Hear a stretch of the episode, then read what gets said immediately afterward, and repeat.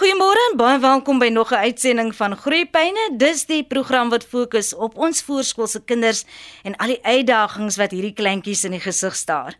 My naam is Anthea Frederik. Sien dis elke week hierdie tyd my voorreg om saam met jou natuurlik in ons jong kinders se leefwêreld in te beweeg en by kundiges te hoor hoe ons ons kinders kan help. Nou dit voel vir my die tyd vlieg nê, nee, want die eerste maand van hierdie splinte nuwe jaar 2024 is al weer verby. En die meeste ouers is natuurlik terug by die werk. Ons kleintjies is terug by die dagsorgmoeder of dagsorgsentrum of dalk is hulle al grootskool toe in graad RR of graad R of graad 1. In vanoggend se program fokus ons op taalontwikkeling en taalwerwing.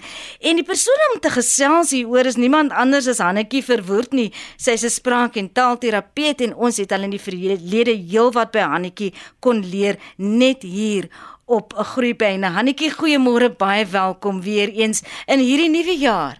Môre Antia, baie lekker om weer met jou te gesels. Nou so aan die begin van 'n nuwe jaar, die akademiese jaar het as dit ware reeds afgeskop vir die meeste en daar is dagsorgsentras, daar is voorskoolse klassies.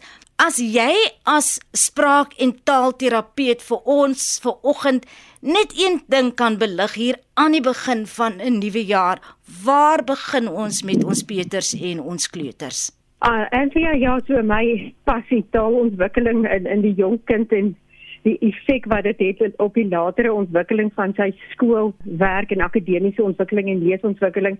Groot taalontwikkeling bly vir my so 'n belangrike ding. En ek praat altyd daarvan as boublokke. Sekere van van 'n kind se ontwikkeling in sy baie jong jare funksioneer as 'n fondasie of as eerste boublokke wat ons neerlê in sy lewe uh, ontwikkeling wat neergelê word in die brein en wat ander ontwikkeling weer verder vorentoe vat. En taalontwikkeling is een van daardie fondasievaardighede. Ek dink die ander vaardigheid, ons het dit al gesê, wat ook so regtig ongelooflik basies is, is jou kind se groot motoriese ontwikkeling.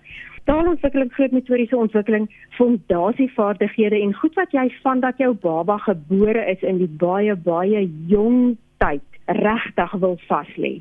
Waar begin 'n mens met hierdie proses en wat is die struikelblokke op ons pad? Ja, soos wat ek nou sê van dag 0 af, eintlik al voor geboorte nê, want daai baba kan hoor voor geboorte al en taalontwikkeling um, vind plaas primêr deur die gehoorsintuig. In terme van struikelblokke, wat ek nou sien in die praktyk is hier kom die kind nou sien nou maar op 5 of 6 by my uit. Die kleuterskoolonderwyseres is bekommer daaroor dat die kind nie skoolgereed is nie, dat die kind nie gereed is om te leer lees nie. En dan doen ek nou altyd 'n uh, in diepte vra ek die ouers uit oor wat in hierdie kind se lewe gebeur het en ons kyk na sy ontwikkeling en ons vra uit oor allerlei dinge en daar's twee goed wat wat vir my altyd uitstaan en wat lyk vir my of dit 'n bydraende faktor het. En die een is babas wat nie geborsvoed is nie en ek weet dit is nou regtig 'n baie emosionele tema want uh, mamas wil borsvoed en dit is swaar as 'n mens dit nie reg kry nie. So ons sal 'n bietjie oor dit praat. En die ander een is skermgebruik by jong kinders. Skermgebruik oormatige skermgebruik wat inmeng met die proses van taalontwikkeling En nou wat jy gepraat het oor borsvoed al dan nie, dis soms 'n keuse wat ouers uitoefen of mammas uitoefen as gevolg van verskeie faktore soos jy nou reeds gesê het. Maar hoe bring 'n mens aan borsvoeding of nie borsvoeding uit in die kloutjie by die oor wanneer dit by taalontwikkeling kom? is so bly jy vra dit want dit klink so vreemd dat die spraaktaalterapeut nou sê vir jou, weet jy jy moet jou kind borsvoed. So wat gebeur is dit. Daar's twee goed. Borsmelk is die heel gesondste kos vir 'n jong en ontwikkelende baba se brein.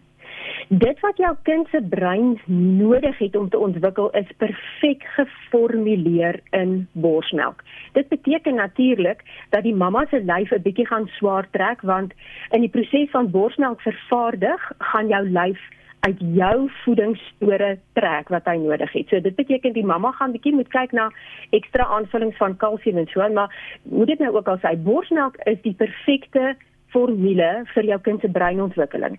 Nou gestel jy kan nie borsvoed nie. Gestel jy sukkel, jy kry nie die baba lekker gelatch nie of jy voel jy het nie genoeg melk nie of vir watter rede ook al, jy kan nie borsvoed nie.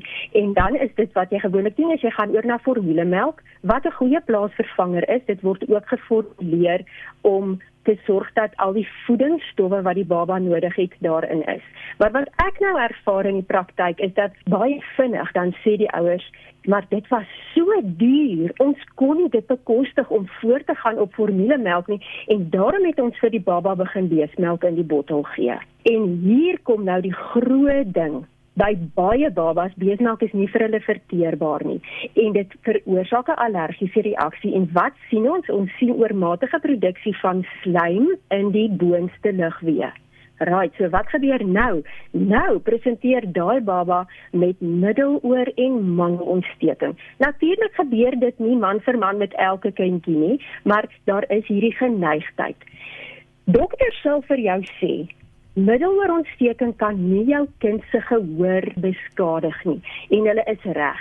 Ons kan nie 'n gehoorverlies veroorsaak deur middeloorontsteking nie. Maar wat wel gebeur is dat middeloorontsteking of middeloorpatologie wanneer ons vog agter die oordrom het, dan affekteer dit die klankoordrag. So die klankgolf wat inkom by jou kind se oor en fisies teen die oordrom bots, en fisies meganies deur 'n beweging oorgedra word deur die voorbeentjies na die binneoor toe. Wanneer daar vog agter jou kind se oordrom is, soos wanneer hy middeloorontsteking het, dan vind daardie klankoordrag nie reg plaas nie. In plaas daarvan dat die klankgolf deur lug voortgeplant word deur die middeloor, word dit nou deur water oorgeplant of deur slaim oorgeplant. Nou kan jy dink dat dit die klankkwaliteit gaan affekteer. Wat ons sien is dat klanke soos is en 'n en 'n en 'n en 'n die sagte hoë frekwensie stemlose plosiewe raak weg. Die kind hoor dit fisies nie. Die ander ding wat gebeur is wat jy sal sien met 'n maatjie wat middeloorontsteking het aktief of of middeloorpatologie daar's nou vog agter die oordrom. As jy agter hom praat, dan hoor hy jou nie. As jy aan hom vat, dan hoor hy jou. Goed, so dis nie dat hy nie kan hoor nie, maar hy kan nie baie goed hoor nie. En hierdie kinders ontwikkel dan baie keer um, probleme met auditiewe prosesering omdat die brein nie nie daai fyn klankwaarneming die brein het nie die geleentheid daartoe nie. Dis die een ding, hulle ontwikkel probleme met fonologiese bewustheid en auditiewe prosesering. Die brein het nie kans om ordentlike klankverwerking te doen nie. Tweede ding is ons swak luistergedrag wat 'n uh, geweldige invloed vorentoe het. Want 'n kind wat sukkel om te luister, gaan sukkel om boekies te luister, gaan sukkel om stories te luister, gaan sukkel om vir juffrou te luister, gaan sukkel om opdragte te volg. So my groot ding oor borsvoeding is ons wil ons kinders nie blootstel aan kosse wat 'n allergiese reaksie gaan veroorsaak nie want sodra ons 'n allergiese reaksie het en ons het hierdie boonste ligweg effekslyn. Jy weet mos hoe dit is as die kinders allergies is vir iets wat hulle altyd te loop neus. Jy wil dit in die jong jare van jou kind se lewe nie hê nie. Hoe jonger daai baba is, is sy middeloorontsteking kry, hoe groter is die effek op taalontwikkeling. So 'n baba wat voor 1 jaar net een keer middeloorontsteking gehad het, jy gaan dit op sy taalontwikkeling sien.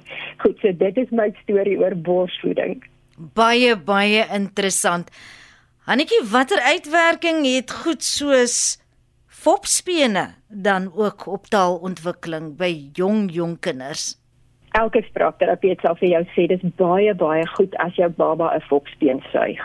So moenie moenie bekommerd wees oor so iets nie. Fopspene suig is wat ons die Engelse term is self-soothing. Ons wil ons babas aanmoedig om hulle self rustig te maak en hulle self te troos. So ook iets soos 'n 'n troetelkonversie is ook 'n manier vir die baba om homself te troos, self aan die slaap te maak. Die aksie van suig het 'n kalmerende invloed op 'n baba. So 'n fopspeen kan nie jou jou jong jong baba se taalontwikkeling benadeel nie. Dit gaan om die waarheid te sê om rustiger maak. Dit gaan vir jou meer geleentheid gee om wanneer hy hy wakker is met hom in interaksie te tree. Waar 'n fopspeen 'n probleem raak is as ons dit nie reg gebruik nie. So ek moedig altyd ouers aan en sê jy het 'n spesifieke plek waar 'n fopspeen gebruik word so wanneer jou baba in sy wiegie gaan lê, dan gee jy die fopspeen.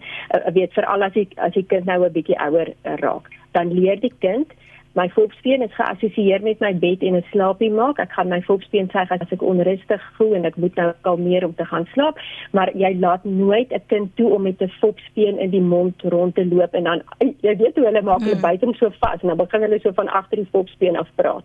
So 'n volksbeen is met alhoor 'n baie goeie ding. Ons moet hom net reg gebruik. En op watter stadium moet ons hom wegneem want ek het my oudste dogter het so gesukkel met haar volksbeen as ek haar graad R toe geneem het soggens het sy hom in die kar met die popspeen agter op die sitplek.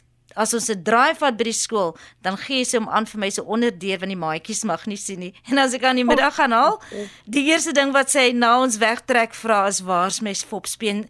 En wanneer hulle tog so verknog raak aan daai popspeen en dit vir hulle soveel troos bring, is dit so moeilik om vir hulle te sê dis tyd om te stop. Ja, ek begryp dit en, en verknog is so 'n mooi woord want dit is dit was haar spesiale troosie. So ek dink hier moet 'n mens melding maak van kinders wat tot daardie mate geheg is aan hulle popspeen, het gewoonlik 'n bietjie van 'n sensoriese prosesering uitdaging. So daai popspeen gebruik die kind om te kalmeer want sy voel dat die insette wat sy deur haar sintuie moet inneem deur die wêreld haar brein 'n bietjie oorweldig en dit is dan wat hulle so ekstra geheg raak daaraan. So ek sal sê as jy 'n kind het wat tot daardie mate sy volksspeen nie kan los nie, sou ek 'n arbeidsterapeut gaan sien wat spesialiseer in sensoriese integrasie en so 'n bietjie raad kry om die kind te help om op ander maniere haarself te kalmeer of haarself gereed te kry om die sensoriese eis van die omgewing um, te hanteer. Dit is meer die uitsondering as die reël dat kinders tot daardie mate geheg is aan 'n volksspeen. Ek het 'n boetie gehad wat ook nie van sy volksspeen kon af nie. My ma die volksspeen in die asblik gegooi en toe later weer gaan uitkrap en steriliseer want hy het so geskree dat ons nie kon slaap nie. en ek dink hy was toe omtrent 3. Spraak en taalterapeut Hannetjie verwoord jy luister na groeipyne en indien jy nou eers by ons aangesluit het, ons fokus vanoggend op die invloed van taalontwikkeling op geletterdheidswerwing, maar Deel van hierdie hele groter prentjie is al die ander faktore wat bydraes lewer daartoe en Hannetjie deel dit vanoggend met ons.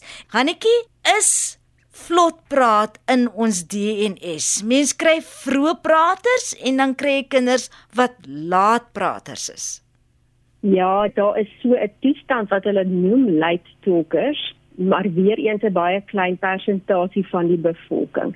So die normale verwagting is dat 'n kind rondom sy eerste verjaarsdag saam met die eerste tree wat hy gee, gewoonlik sy eerste woordjie praat. En met eerste woordjie praat praat ons van 'n betekenisvolle woordjie. Met ander woorde 'n woord waarmee hy iets versoek. Van hier van heel vroeg in jou kind se ontwikkeling, nie van 2, 3 maande af gaan jou jou baba begin geluitjies maak en baie keer gaan hy geluitjies maak, babbelgeluitjies maak wat soos regte woorde klink.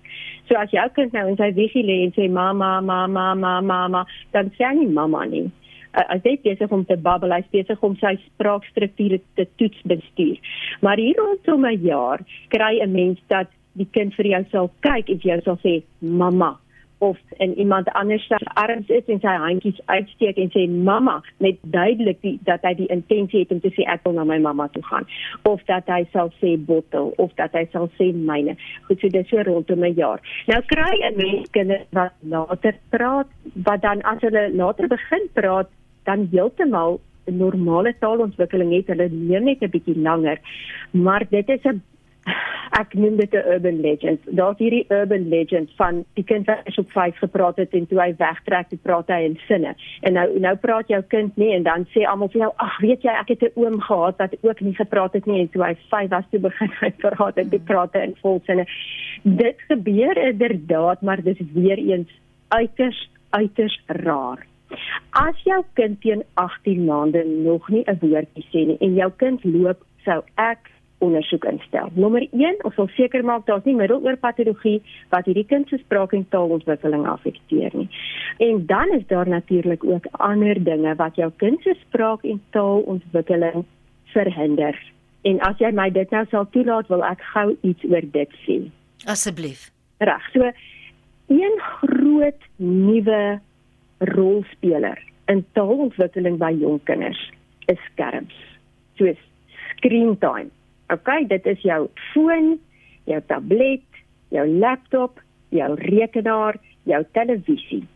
Hoe kleiner die skerm, hoe groter is die effek op die jong kind se breinontwikkeling. Ouers kan gerus oor hierdie goed bietjie navorsing gaan doen op die internet, dis alles daar.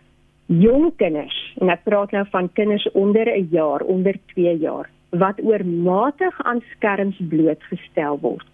Sommige van daardie kinders ontwikkel autistiese trekke. Goed, so hulle taalontwikkeling, taal en spraak en kommunikasieontwikkeling begin lyk na 'n kind wat autisties is.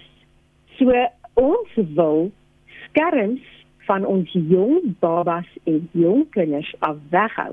Dink gou 'n bietjie so hieraan. Ek het nou gesê jou kind se taalontwikkeling vind primêr deur die gehoorsintuig plaas en die gehoorsintuig bly die heel heel belangrikste een.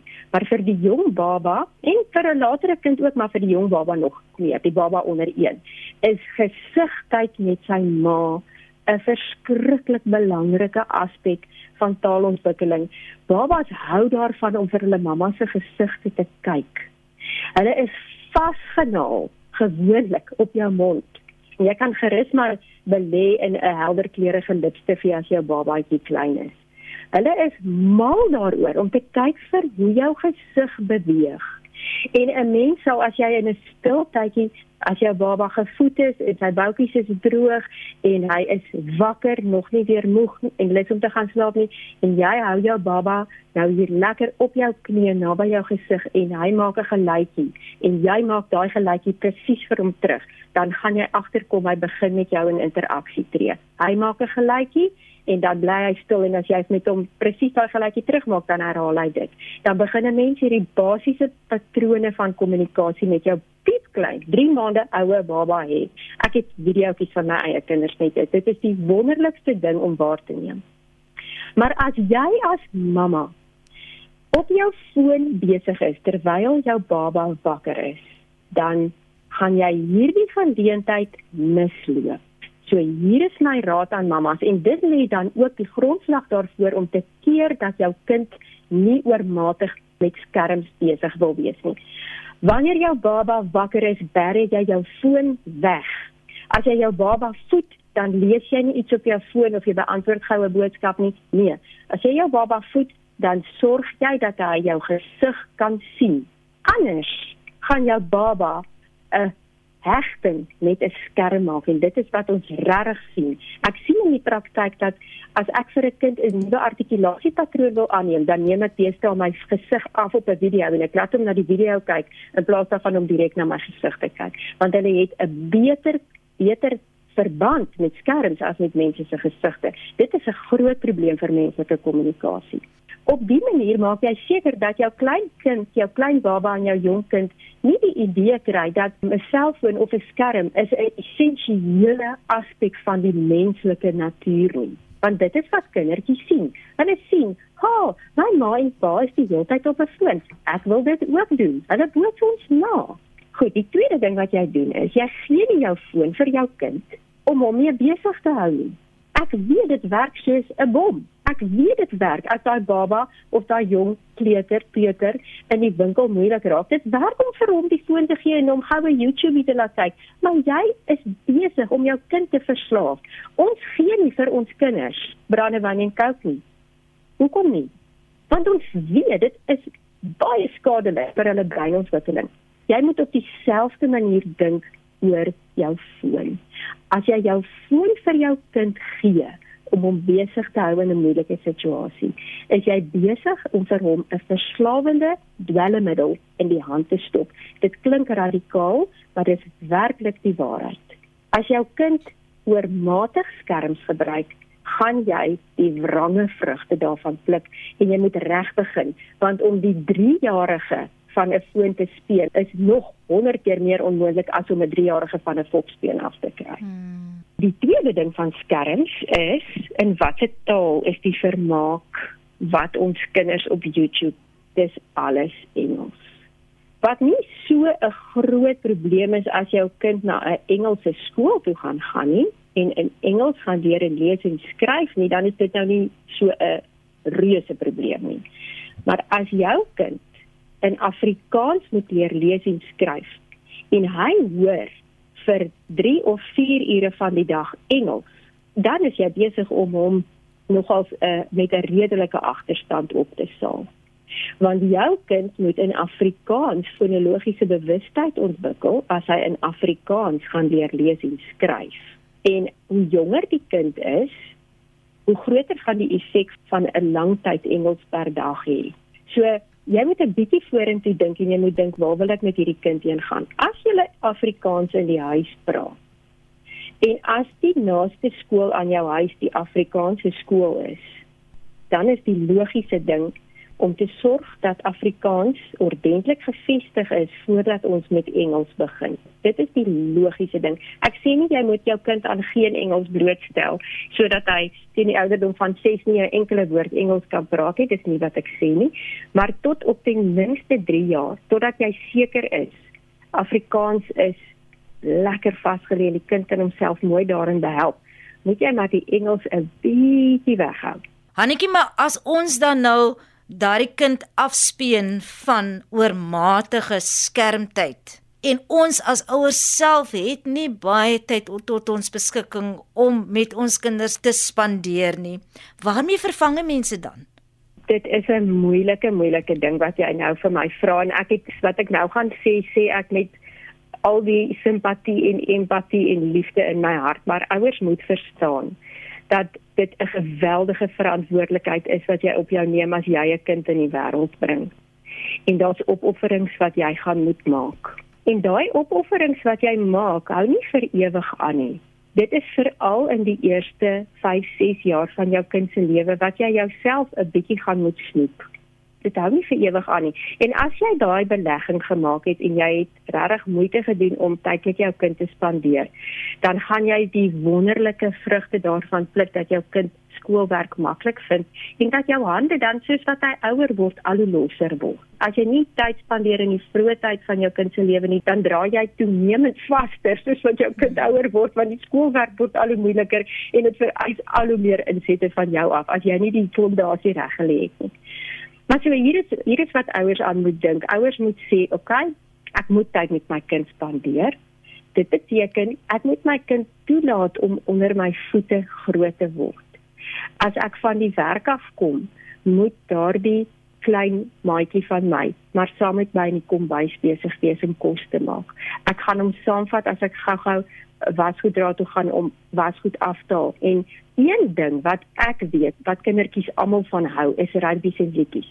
So een ding waarmee jy skerm gebruik vervang is jy sing vir jou kind en jy sê vir hom rugby. Hulle is mal daaroor. Dit hou hulle aandag regtig. So as ek sê jy moet jou kind onder jou voete laat groot word, beteken dit jy gaan bietjie moeite moet doen om jou kind te leer om gehoorsaam te wees. Want 'n uh, ongehoorsame kind wat nie vir sy mamma luister nie, is nie 'n plesier om rondom jou te hê nie. Dan voel jy, "Ek kan ek kom nie net asseblief 'n bietjie wegstuur om iets op die TV te gaan kyk dat ek kan rus en vrede vir my siel hê."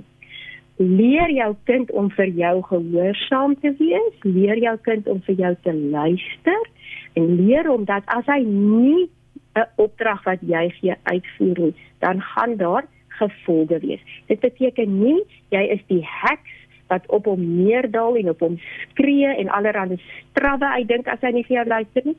Jy leer net daai 10 maande oue baba as jy sê nee, mamma sê nee en hy hou aan met wat hy doen. Hy steek sy hand na die spesery laai uit en hy hou aan om die bottels speserye daar uit te haal. Mamma sê nee. En nou hy aan om te doen, dan vat jy sy handjies, jy stoot die laai toe. Jy sê mamma sê nee, maak toe en jy doen hou aan om dit te doen baie vinnig dan leer daai kind om sensitief vir jou stem te wees. En jy sê wat nee nee nee nee nee nee nee nee nee nee nee. Ons doen dit almal. In plaas van om net een keer rustig te sê, mamma sê nee. Dit gaan ons daai hele kaskade reaksie van nee nee nee nee nee nee nee nee nee nee. Nee, hier jy kan. Ek praat met my gewone stem en dan luister jy as ek dit gesê. So ek dink ouers moet met ander woorde beplan hiervoor. Jy moet beplan daarvoor dat jou baba en jou jong kind in jou teenwoordigheid gaan wees, werk rotines uit in jou huis. Dit is nie vir almal eerlik nie, maar dit is waarvoor jy jou moet regmaak as jy 'n baba aan die wêreld bring. Dit dan spraak en taalterapeut Hannetjie verwoord met wie ek vanoggend hier in Groeipyne gesels het. Ek Anthea Fredericks groet dan tot volgende week dieselfde plek, dieselfde tyd wanneer ons weer gaan saamgesels oor kwessies wat ons voorskoolse kinders raak. Tot dan, mooi bly.